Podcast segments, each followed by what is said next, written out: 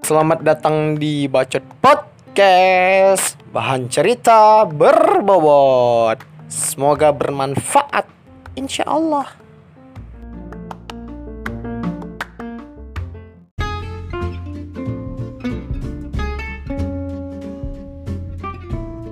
Jeng jeng. Nah guys Kembali lagi bersama gua di Episode perdana Bacot Podcast. Nah ini baru episode perdana kita guys. Nah kali ini gua ingin ngebahas tentang temanya Sang pendosa ya. Ya kita tahulah Kita ini kan makhluk berdosa coy. Setiap orang kan pasti pernah ngelakuin dosa ya gak sih? Cuman Mungkin di cerita kali ini gue lebih fokus kepada masa-masa di saat kita lagi kelam lah gitu. Ya kan? Kita ya kita bukan gue doang enak aja loh. Ya. Ya karena kan kita pernah ya berada pada satu titik di mana itu adalah masa kelam kita masa kelam bagi kita ataupun merupakan titik jenuh dalam hidup kita lah yang di mana ketika kita ngelakuin perbuatan itu tuh kayak biasa aja gitu. Kayak dosa nggak dosa bodoh amat santuy aja gitu. Yang penting gua enak gitu. Karena kalau ada orang bilang tuh kan umumnya dosa itu enak loh sini aja lu coba dosa. Terus tagihan kan bajigur juga tuh orangnya kan. Gila itu bahasa-bahasa dari gue kuliah kayak gitu tuh. Dosa itu enak emang baca-baca setan. Ya Allah astagfirullah. Semoga Allah merahmati mereka. Amin. Nah guys balik lagi nih ke topik gua. Nah jadi gue ingin ngawalin kisah gue ini lebih uh, lebih dari kisah masa lalu gue ya gitu. Yang di mana di zaman dulu sih ya lebih tepatnya pada saat zaman-zaman gue SMP SMA lah gitu. Nah bagi gue ini merupakan salah satu dosa terbesar yang pernah gue lakuin ya. Ini ini jadi gue rintitan dari mulai dosa terbesar sampai dosa kecil gue ya. Ya gitulah pokoknya kalau agak ngacak mohon maaf ya ya kita juga lagi berusaha nih memperbaiki konten ya nah jadi dimulai dari dosa gue yang paling besar dulu itu zaman SMP SMA saat gue lagi bader-badernya itu uh, gue tuh dulu sering kayak gimana ya uh, main wanita lah gitu. Nggak tahu nih ya lu percaya atau kagak nih guys tapi jujur ya dulu gue tuh sering main wanita tapi uh, main tuh kategorinya ya pasti buruk lah ya konotatifnya pasti buruk gitu. Tapi dulu pacar gue tuh nggak banyak gitu. Bisa dihitung jari lah ada 6 apa 8 kali ya. Lupa lah gue pokoknya. Cuman TTM-nya itu banyak. Nah TTM ini gue waduh teman tapi menyenangkan gitu kan. Nah di zaman-zaman dulu tuh ada aja gitu kan dari teman-teman teman-teman TTM ini yang ngebuat gue melakukan dosa yang yang ya astagfirullah lah pokoknya besar lah gitu. Dan juga pacar sih ya justru malah gue kalau pacar tuh ya gue tuh malah cuma sebatas pegangan tangan terus udah sih kayaknya. Paling kalau peluk peluk bonceng motor udah itu doang.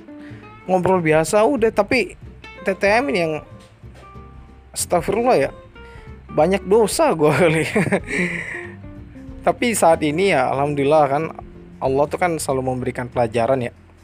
Alhamdulillah uh, sudah paham lah terkait hal itu gitu. Makanya saat ini gue memang benar-benar menjaga diri banget.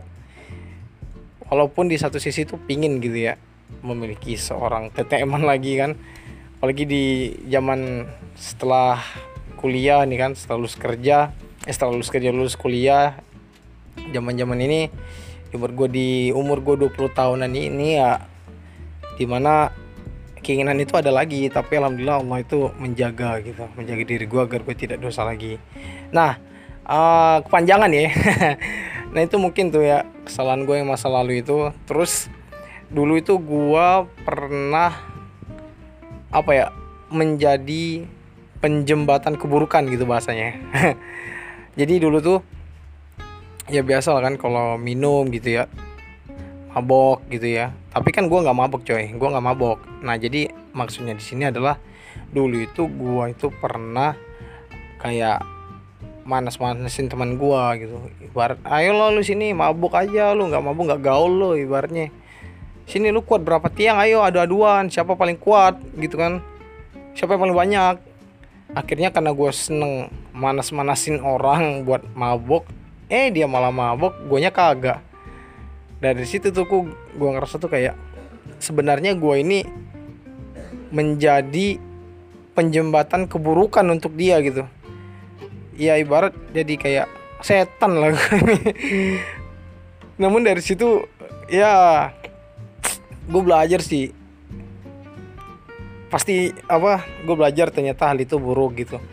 Dan alhamdulillah sih ya kita kan berproses lah semua orang kan ada uh, perbaikan lah ya kan nah gitu guys nah, terus nih udah berapa menit nih konten gue oh baru 5 menit Oke, lanjut nih. Oke, lanjut. Uh, guys ya, uh, dan juga dulu itu gue ngerokok gitu. Sorry nih guys bahas konten nih. Kadang lu juga bingung coy, walaupun lu udah susun konten lu maupun kayak ada step by step gitu, pas ketika lu sampein itu kadang ada yang lupa. Gak mungkin juga kan lu catat semua terus lu ngapal. Yang ngapal sih silahkan guys. Cuman kalau gue pribadi tuh lebih seneng ngembangin dari beberapa kata utama yang udah gue buat terus gue kembangin dengan bahasa gue itu lebih enak gitu kan. Walaupun ada miss-missnya. Ya semoga lu doyan lah denger terus ya kan. Nah berikutnya adalah dulu itu uh, gue ngerokok. Yang ngerokok sih bagi orang umum biasa ya. Tapi jujur bagi gue itu adalah salah satu hal berdosa yang gue lakuin kenapa gue bilang ngerokok berdosa sebagian orang menganggap bahwasannya ngerokok itu uh, hukumnya ada yang ada yang bilang haram, ada yang makruh. Tapi gue pribadi saat ini mengatakan bahwa rokok itu adalah haram. Kenapa? Pertama, rokok itu tidak memberikan manfaat secara kesehatan dan juga secara psikologis kepada si merokok. Kesehatan pertama jelas tidak ada manfaatnya. Jadi kalian semua yang merokok berhentilah kalian, sialan kalian. Ha. ya nggak ada manfaatnya karena emang isinya itu racun semua dulu pas saat gue SMA kalau tidak salah pernah ada sosialisasi dari dinas kesehatan apa dari kesehatan setempat lah yayasan apa dinas bahwasanya di dalam rokok itu terdapat 4000 4000 zat beracun termasuk di dalamnya ada racun tikus yang bersemayam dalam rokok itu sendiri saudara yang pertama ya kesehatan yang kedua berdampak kepada psikologis. Nah, gue bilang rokok ini berdampak psikologis karena menurut gue orang-orang yang ngerokok ini bisa menjadi candu. Candu yang di mana mereka berpikir ya, bahkan dulu gue punya teman itu berpikir bahwasanya lebih baik gue beli rokok sebungkus daripada gue beli makan. Asalkan ada rokok dan kopi gue udah kenyang. Jadi kan dia mempengaruhi pemikirannya kan seakan-akan rokok ini menjadi pengganti makanan. Padahal lu cuma ngisap asap dan penyakit dan akhirnya malah membuat tubuh lu semakin sakit dan ujung-ujungnya lu menyusahkan keluarga lu. Iya kalau ada keluarga lu nanggung kalau nggak ada hmm berak lo nah yang ketiga yang ketiga lu mengganggu orang dengan ngerokok. Kenapa? Karena asap rokok ini guys itu merupakan senjata paling pasif eh pasif senjata paling kuat ya untuk merusak kesehatan orang. Karena perokok pasif itu lebih berdampak resikonya daripada perokok aktif. Kalau lu nggak percaya silahkan cek ke mbah Google dan mbah-mbah lainnya yang lu ketahui ya mbah Yahoo mbah-mbah internet lah dan segala mbah di internet yang valid lah guys gitu Dan kita semua tahu memang rokok itu tidak baik, tapi banyak orang yang mengatasnamakan rokok. Dia bilang bahwasannya kalau nggak ngerokok, ada yang bilang nih, dulu sih jam-jam masih bocah, kalau nggak ngerokok tuh nggak gaul kan. Ibarat masuk ke tongkrongan nggak ngerokok tuh kayak ada yang kurang gitu kan. Kayak terkucilkan kali ya. tapi kalau sekarang nggak lah, ada dewasa udah paham. Tapi itu dulu kan dulu. Terus kalau ada yang bilang kalau nggak ngerokok tuh eh, nggak uh, relax gitu. Seakan-akan nih dengan rokok lu bisa jadi tenang gitu kan. Memang ada sih zat penenang di dalamnya tapi itu zat penenang yang buruk ya yang biasanya digunain dalam zat-zat psikotropika dan narkoba narkiba lah. Yang di mana kalau orang narkoba tuh sering nampak kolor bangga ya kan? Ya yang enggak lah enggak gitu. Ah, kerik banget.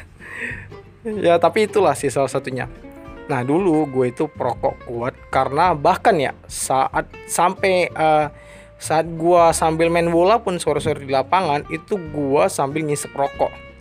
Bayangin lu lagi lari-lari terus mul terus di mulut itu ada rokok sambil ngejar bola terus teriak-teriak, woi woi bola woi sini woi padahal rokok ada di sebelah mulut lu. Gue tuh dulu sering uh, naruh rokok gue di sebelah kanan gue ya kanan bibir gue terus sebelah kiri. Kalau tengah tuh suka jatuh gitu jatuh tuh kadang kena api perih juga kan ngehe gitu. Nah taruh kanan terus gue jepit pakai mulut gue jadi mulut gue tuh kayak ngejepit sebelah kanan sebelah kiri track woi boleh woi sini woi gitu. Atau enggak kadang gue ambil rokoknya baru gue teriak gitu.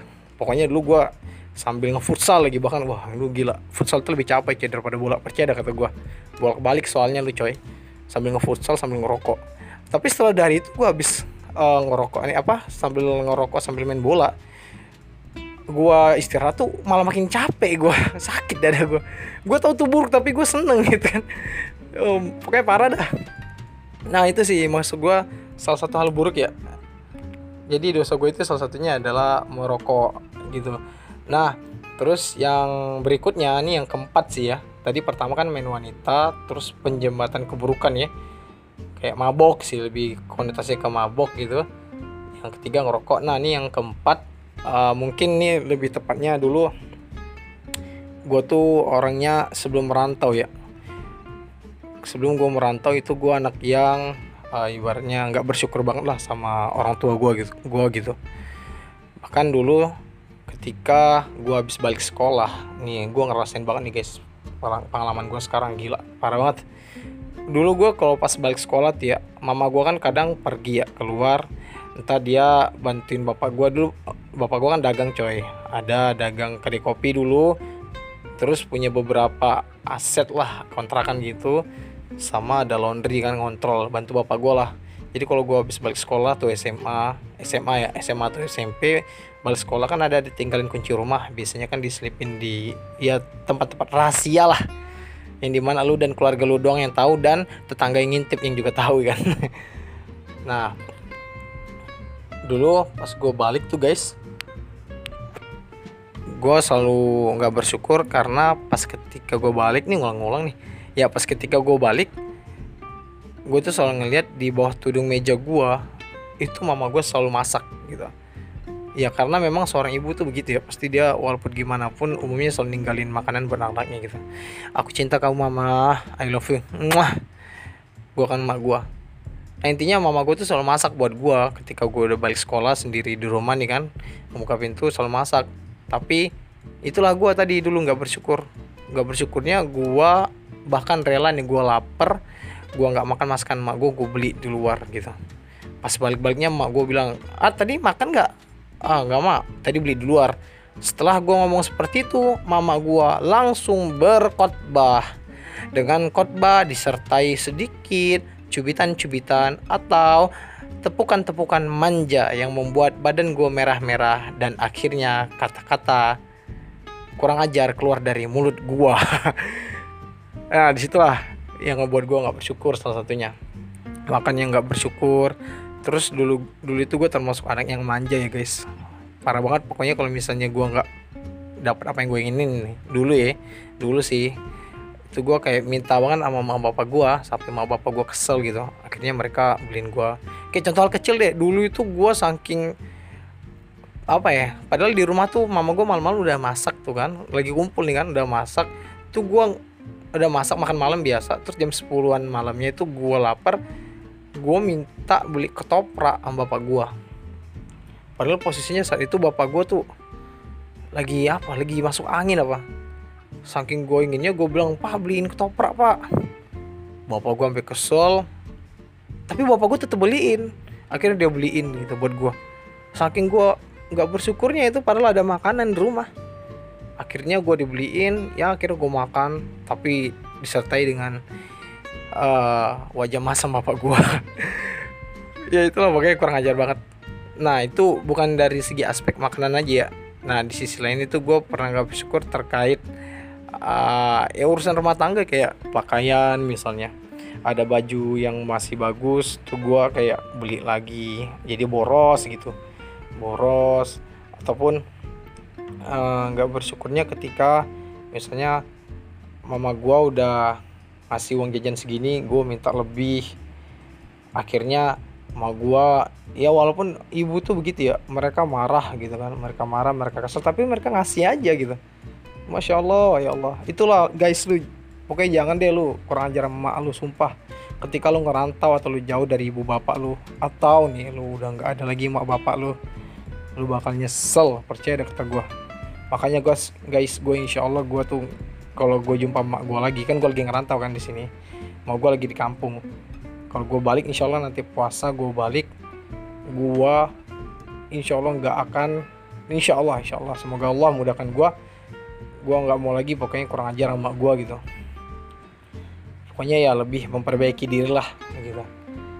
Nah dari hal-hal nggak bersyukur itulah yang mungkin membuat gue banyak dosa sama gue dan itu adalah salah, satu hal yang berdosa bagi gue dalam hidup gue dan di mana itu perlu dievaluasi guys gitu loh. Nah, jadi uh, di balik pengalaman-pengalaman gue tadi, ya kan, itu sebenarnya merupakan sebuah hal-hal kelam dalam hidup gue. Walaupun di yang lain itu banyak sih ya, tapi banyak itu karena menurut gue tidak terlalu besar, biasa aja itu kayak usil sih ya. Usil sih jujur gue sekarang sih udah alhamdulillah menahan gak usil sih tapi dulu tuh gue usil usil banget pakai SMA bahkan tuh pernah di kelas di SMP sih. SMP tuh gue pernah teman gue sih gendut cewek gendut tuh gue tarik bangkunya ke belakang sampai jatuh sampai nangis dia.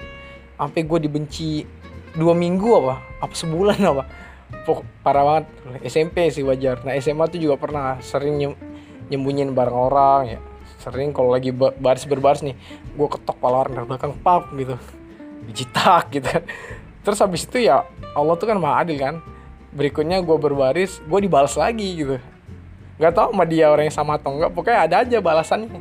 Emang di setiap kita berdosa tuh guys Allah tuh kayak seakan-akan di gue ya kalau gue berdosa tuh kayak Allah subhanahu wa taala subhanahu wa taala itu kayak seakan-akan mempercepat balasan gue gitu. Biasanya gue hari ini ngejatuhin orang kan. Ngejatuhin bangkunya narik bangku di belakang terus buat orang jatuh atau sangkat kaki orang jatuh misalnya kan. Besok tuh gue ada aja dapat balasan. Mungkin nggak sama tapi rasanya sama gitu. Nah itu guys. Dan memang benar sih. Kalau kata pepatah tuh ya apa yang kamu benih maka akan kamu tuai gitu kan. Apa yang kamu tanam maka akan kamu tuai gitu. Dan memang Allah membalas semua itu tepat pada tempat yang memang Allah tentukan tepat gitu. Subhanallah lah. Nah guys itu nih berkaca dari kisah-kisah dosa gue ya. Yang di mana itu mungkin usil merupakan bagi gue itu kayak sebuah tabiat sih yang insya Allah bisa diperbaiki gitu. Nah guys uh, di balik beberapa yang gue ceritain gue sebenarnya juga ingin refleksi di masa gue yang sekarang ini gitu. Walaupun yang tadi sebelumnya gue juga udah ngisain sedikit ya sempilan-sempilan refleksi gue gitu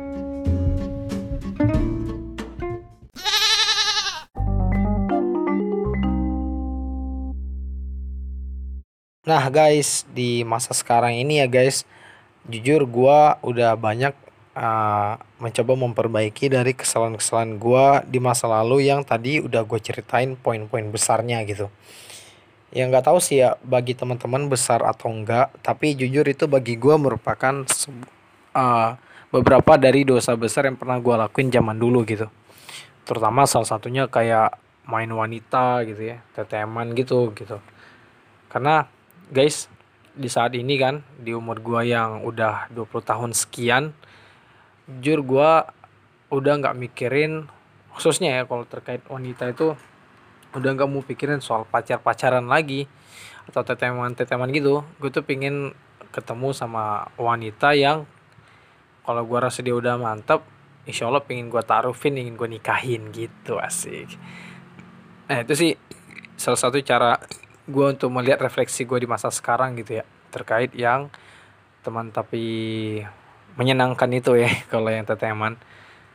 Adapun yang lain yang terkait merokok itu guys, uh, kalau di refleksinya di masa sekarang ini, alhamdulillah ya, terakhir gue ngerokok itu adalah kuliah semester 3 di saat gue semester 3 itu gue berhenti merokok total gitu.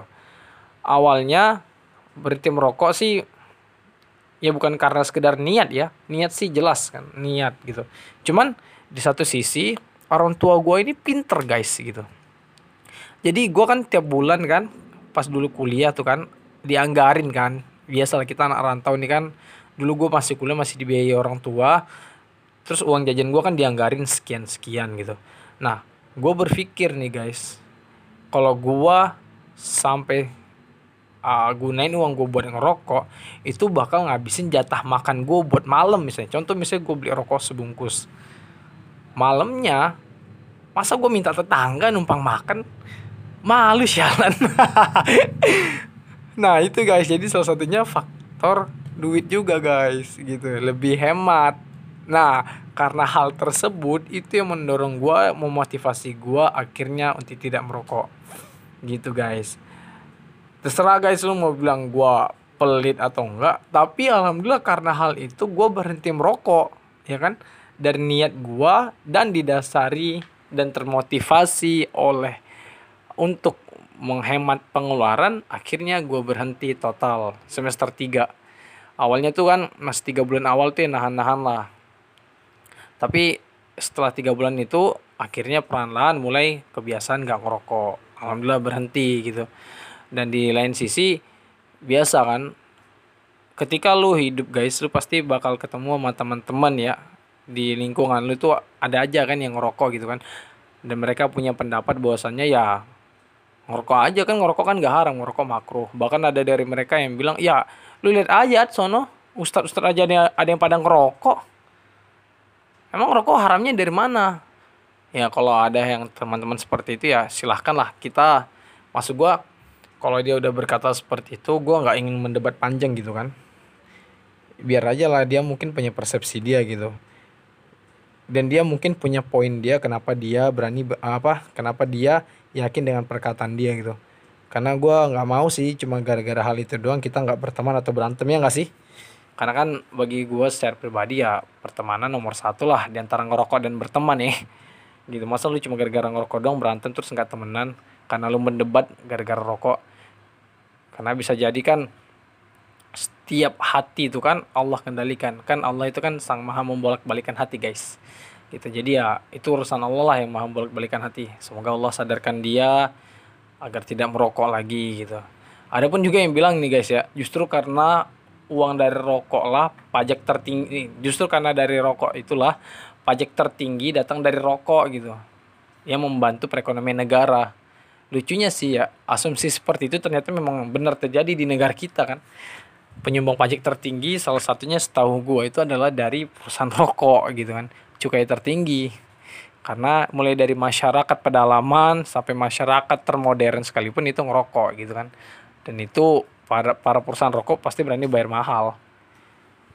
Cuman ya tadi sih sayang aja gitu ketika lu masukin negara dengan pendapatan dari hasil produk yang ternyata membuat sakit diri lo gitu. Nah ini guys gue banyak banget gue gue malah fokus ke rokok gitu ya. mungkin karena gue anti rokok sih ya jadi gue kesel juga sih sebenarnya. Tapi it's okay lah guys yang bagi yang merokok semoga Allah pelan-pelan menghentikan kalian merokok gitu. Dan memperbaiki hidup kita semua amin. Nah itu tadi guys di refleksi gue di masa sekarang ya. Uh, yang berikutnya apa ya? Iya iya. Uh, penyebatan keburukan. Nah dulu tuh guys kan gue bilang kan gue sering seneng manas-manasin orang ya buat mabok gitu kan. Padahal gue sendiri nggak mabok gitu. Sok-sok ngaduan minum-minum tiang. Padahal gue tuh sebenarnya ngetes nih kan. Jadi pas gue mau minum tuh itu gue biar dia suruh minum dulu. Dia minum tapi dia udah mulai ini kan udah mulai goyang. Udah tuh terus gue panasin lagi. Akhirnya dia sampai tumbang gitu kan. Ya intinya penyebatan keburukan lah. Sebenarnya bukan sekedar mabuk doang sih ya kasusnya. Ada juga yang kasus lain gitu kayak penjembatan keburukan kayak misalnya contoh atau dulu sekolah pernah uh, pernah nih gue nyuruh dia. Ya dulu pas sekolah pernah tuh kan teman-teman ada yang lagi udah mau berantem terus panas-panasin udah berantemin aja lu bencong lu gak usah berantem, gak berantem lu. Pukul pukul pukul ya sebenarnya kalau misalnya gara-gara nggak mulut gua nih mungkin bisa jadi dia nggak berantem gitu. Jadi jatuhnya kayak aduh setan gue ini kurang ajar gue nih. Gara-gara manas-manasin gitu tuh akhirnya dia terjumus dalam perberanteman gitu kan. Padahal gua yang manas-manasin walaupun bukan gua doang sih ada juga yang lain yang manas-manasin. Tapi ya jujur sih itu berdosa. Dan gua menganggap itu sebagai sebuah hal buruk karena alhamdulillah sih ya Allah itu memang maha baik ya coy. Perlahan-lahan Allah itu ngerubah hidup lu ketika lu sudah mau niat mendewasakan diri lu terutama ketika ada besar nih. Jujur ketika gue merantau ini guys banyak ibroh gitu pelajaran hal-hal besar yang gue dapat banget manfaatnya dan belajar untuk lebih dewasa menyikapi diri. Terutama tadi kayak misalnya menahan diri dari godaan akhwat ya kan. Terus enggak ngerokok terus tadi tidak mau lagi menjadi penjembatan keburukan gitu. Artinya sih menahan nafsu ya guys. Nah itu pun juga termasuk dari hal nggak bersyukur tadi. Nah kalau dari hal yang nggak bersyukur tadi guys uh ini jujur nih paling banyak banget gue dapat manfaatnya ketika gue ngerantau. Jadi semenjak gue tinggal sendiri ya guys walaupun gue ada saudara di sini guys tapi gue lebih mutusin tinggal sendiri karena gue lebih banyak belajar gitu. Nah semenjak gue tinggal sendiri itu guys lu bakal belajar untuk lebih menerima keadaan lu. Lebih bersyukur dalam keadaan lu dan ketika dompet lu tidak segembung di awal bulan mau nggak mau lu harus bisa hidup. Entah dengan cara berhemat kah entah dengan cara lu bekerja kah atau dengan cara cara-cara yang halal tentunya halal dan positif lu harus bisa mengelola keuangan lu agar lu bisa menjadi orang yang bisa mencukupi diri dan alhamdulillah kalau bisa mencukupi orang gitu yang dulu tadi lu misalnya makannya nggak bersyukur gitu kan selalu pas ngelihat makanan kayak gue tuh dulu kan yang gue cerita sebelumnya ketika gue ngelihat makanan habis itu gue buang eh gue buang habis itu gue rela nih gue nggak makan masakan gue gue malah beli di luar. Nah sekarang nih ketika misalnya nih ada makanan gitu kan yang tersedia di warteg budget gue segini ternyata di warteg mau makan makanan ini nggak cukup akhirnya mau nggak mau makan yang ini gitu itu dulu tuh gitu guys. Ya kalau ada duit makan. Cuman guys gue mau ngasih tahu satu hal sih ya. Kalau untuk urusan makan saran dari gua jangan ditahan. Nah takutnya lu gara-gara cerita gua lu malah menjadi orang yang pelit gitu kan kalau soal makan gitu. Dulu sih guys gua tuh kalau misalnya makan sama temen gua nih teman-teman gua tuh ngeliat kayak gua nih orangnya kalau makan tuh makannya banyak tapi beli lauknya lauk murah mungkin aja nih guys. Bisa jadi pada saat gue beli lauk murah mereka mereka tuh lagi meratin gue makan gitu. Dan mungkin gue apesnya kali di situ kali ya. Sehingga berpikir gue tuh orangnya kayak berhemat banget kalau soal makan. Padahal nih guys gue ngasih tau lo eh semua ya. Termasuk yang ngedengerin gue nih sialan lo jangan gas dong Lah termasuk lu semua yang berpikir gue berhemat kalau makan atau pelit soal makan. Sebenarnya guys gue kalau di luar itu gue makan apa yang gue pengen makan gitu. Kebetulan pas ketika gue makan di depan lu gue lagi makan makanan murah. Ya bisa jadi mungkin gue lagi apa sekali. Situ mungkin Allah subhanahu wa ta'ala menguji kesabaran gue. Dari pandangan-pandangan sinis lu. Dan dari mulut-mulut lu yang berpikir gue makan makanan murah padahal dikira nggak mampu beli makanan mahal kali ya. Padahal di luar ya alhamdulillah gue makan apa yang pin gue makan. Kayak misalnya ada ayam bakar atau apa ya gue sering makan bebek sih. Bebek enak coy. Gue baru makan nasi bebek di Jakarta tuh pakai sambal bebek. Wah pokoknya dulu di kampung gue itu nggak ada tuh nasi bebek ya. Ketau deh kalau sekarang ya karena di Jakarta berhubung ada nasi bebek gue seneng, seneng aja gue makan nasi bebek. Sambalnya sih enak. Gue akuin dah itu sambal nasi bebek. Mungkin kalau dibikin nasi goreng mantep kali ya. Tapi itu sih enak dah pokoknya. Jadi senengnya kalau makan bebek gitu. Atau gue ada uh, makan tuh di salah satu langganan gue sih ya di daerah kosan gue kosan gue di daerah tit. Kalau mau tahu ntar japri aja di Instagram asik Nah, itu dia kan ngejual kayak ada lauk pauk gitu ya. Ada ikan, ada ayam, kayak lauk-lauk gitu kan. Nah, itu gue sering uh, beli tongkol, ekor tongkol gitu. Uh, enak sih. ekor tongkol tuh wah salah satunya apalagi kalau kepala tongkol ya tongkol itu udah penuh vitamin dagingnya enak ya bagi gue ya dagingnya enak coy tongkol serius uh kalau kepalanya apalagi buset itu kepalanya tuh apalagi kalau lu sedot otaknya. Wah nyes banget dah pokoknya legit lezat. Aw nah, pokoknya lezat dah pokoknya. Nah jadi itulah guys kira-kira sedikit dari refleksi gue di masa sekarang ya. Terkait nggak bersyukur gitu. Artinya di masa sekarang ini ketika gue udah mulai hidup sendiri belajar mandiri itu bener-bener gue menghargai setiap apa yang gue miliki saat ini gitu loh. Ketika ada makanan ini yang gue ternyata bisa beli ini ya gue makan gitu. Ketika memang misalnya gue ada duit lebih ya gue coba beli makanan yang ingin gue makan tapi di lain sisi lu jangan lupa sampai gak sedekah gitu. Karena lu harus tahu ya guys di balik rezeki yang Allah kasih ke lu itu ada rezeki orang gitu. Walaupun di saat itu lu lagi miskin misalnya tapi lu punya kemampuan nih untuk membelikan orang itu setidaknya apa ya jajanan gorengan ya. Kalau nggak bisa beli makanan kasih aja duit ke mereka sisihkan. Nah dan di situlah harta-harta lu juga didistribusikan buat mereka yang membutuhkan. Kalau lu nggak bisa mas kalau lu nggak bisa ngasih ke orang lu kasih aja ke kucing kalau lagi makan. Karena gua jujur sih ya kita nih kalau lagi makan tuh sebenarnya ada sih perasaan kesel kalau misalnya misalnya ada kucing ganggu gitu kan mau minta makan gitu bahkan ada sampai orang nendang kucing ya. Gue sih sebenarnya jujur nih rada kesel kalau gue lagi makan diganggu kucing. Tapi kucing itu juga punya haknya di dalam harta kita terutama di dalam makanan kita. Karena bisa jadi Allah itu datangkan kucing ke kita ternyata buat kita kasih ke dia dalam rangka menggugurkan dosa kita yang lalu.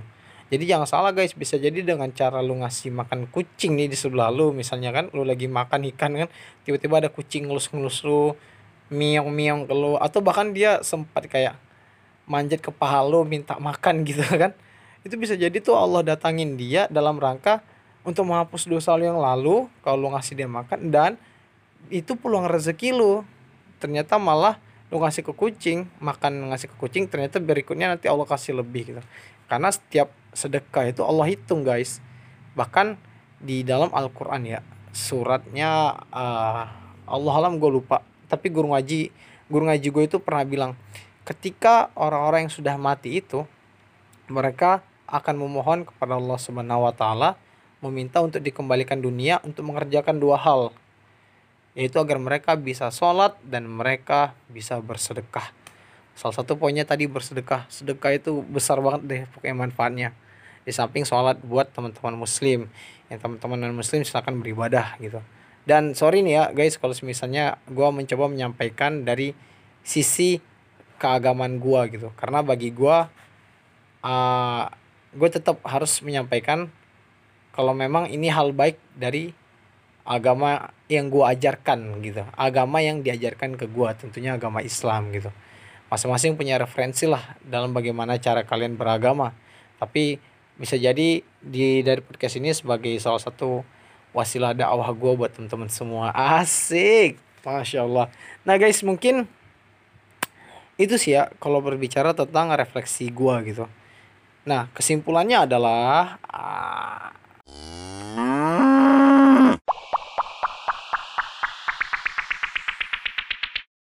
Nah, guys, dari apa yang gue ceritain tadi, uh, di sini mungkin gue ingin coba memberikan kesimpulan dan solusi ya. Insya Allah semoga menjadi solusi buat lo semua.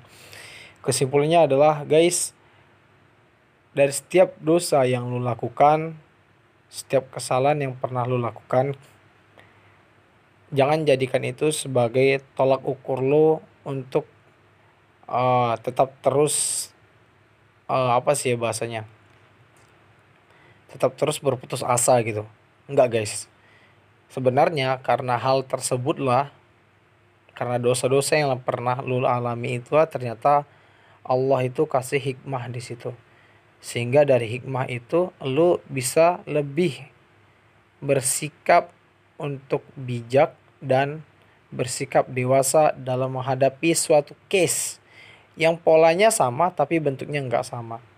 namun hasilnya sama seperti dosa yang lu lakukan di masa lalu gitu loh dan bisa jadi dari dosa-dosa yang udah pernah lu lakuin dahulu itu ternyata Allah menguji lu dulu supaya lu lebih kuat ke depannya.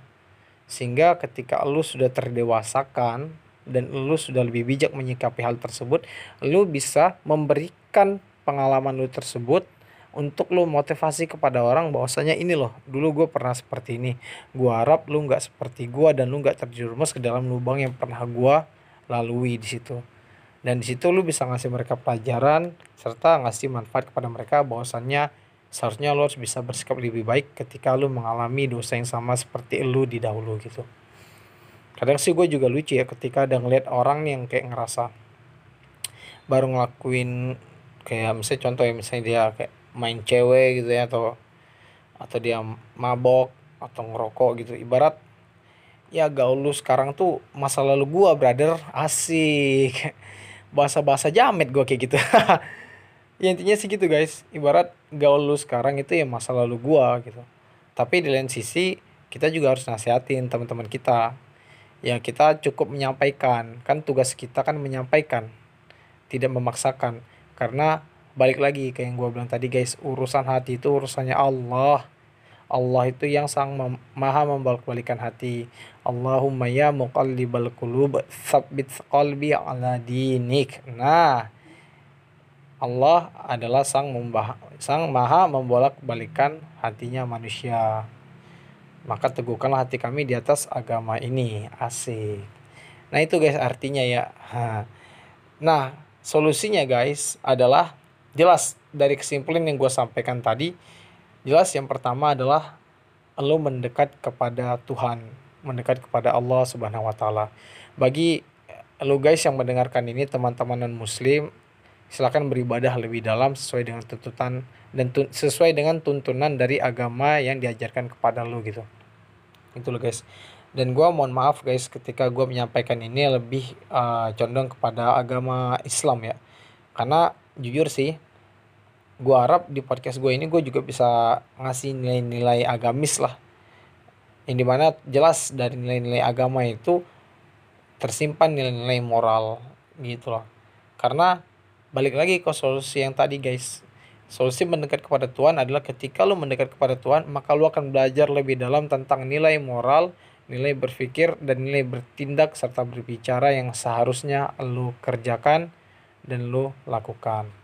Gitu karena ketika lu mendalami nilai-nilai dasar dari agama lu dan mendekat kepada Tuhan lu di gua Islam mendekat kepada Allah Azza wa Jalla itu secara gak langsung Allah itu bakal memperbaiki hidup lo dan Allah itu sang afu ya sang maha memaafkan guys gitu loh atau yang sejenisnya lah. Intinya adalah ketika lo mendekat kepada Allah Allah itu lebih dekat kepada lo dan lo secara tidak langsung akan Allah perbaiki hidupnya mulai dari sikap lu dan urusan-urusan lu yang lain. Ketika lu mendekat sejengkal sama Allah Allah mendekati lu se sesiku ibaratnya. Itulah baiknya lah masya Allah ya. Nah itu yang pertama mendekat kepada Tuhan. Yang kedua adalah guys ah, lu harus niatin bahwasanya ketika lu berdosa di lalu untuk tidak dilakuin lagi apa pun alasannya. Nah, jadi lu ngebuat batasan pada diri lu bahwasanya contoh nih lu kemarin berdosa akan hal itu. Besok lu nggak akan lakuin itu lagi dan lu niatin bahwasanya itu adalah dosa jenis terakhir yang lu lakuin. Dan gua nggak akan mau dosa lagi di berikutnya. Nah, gitu. Jadi lu buat statement untuk konsisten agar tidak melakukan kesalahan yang sama gitu. Dan yang ketiga adalah lu bersikap dewasa dalam menyikapi setiap keadaan lu, termasuk setiap perbedaan terkait pendapat dari lingkungan lu gitu. Menyikapi perbedaan itu perlu guys, tapi di satu sisi kita juga harus punya prinsip. Kita juga harus punya dasar bahwasannya ini adalah nilai kebenaran yang kita miliki. Jangan sampai karena kita terlalu uh, condong kepada perbedaan menyikapi perbedaan terlalu jauh kita merupakan nilai dasar dari uh, kebaikan yang telah kita pelajari selama ini gitu. Dan lu nggak punya prinsip akhirnya gitu kan? Karena itu perlu ya. Lu ibarat harus punya satu uh, dasar lah untuk hidup lu bahwasanya lu harus seperti ini. Dan dasar itu adalah dasar yang baik ibaratnya gitu guys. Dan tentunya masih banyak ya solusi-solusinya yang mungkin lu tahu sendiri gitu apa solusinya untuk hidup lu gitu. Karena jawaban terbaik dari setiap permasalahan lu adalah pada diri lu sendiri. Dan ketika lu bingung coba lu bentangkan sejadah lu di waktu sepertiga malam dan memohon jawaban terpasti dari yang sang maha pasti dan di situlah insya Allah lu akan mendapatkan jawaban terpasti. Guys itu mungkin ya guys. Sekian dari gua.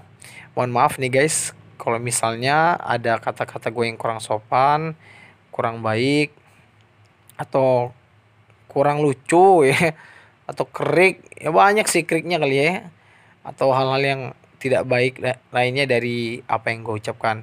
Semoga apa yang gue sampaikan bisa menjadi nilai ibadah buat gue pribadi nilai evaluasi buat diri gue pribadi dan nasihat terutama untuk diri gue pribadi dan bisa bermanfaat untuk lo semua. Thank you guys. Semoga kalian semua selalu dirahmati oleh Allah Subhanahu wa taala, dirahmati, diberkahi dan kalian semua semoga masuk surganya Tuhan. Surganya Allah tanpa hisab. Amin amin ya robbal alamin. Sekian dari gua guys. Untuk episode kali ini saya ucapkan Assalamualaikum warahmatullahi wabarakatuh. Salam bacot guys? Awak. Yay!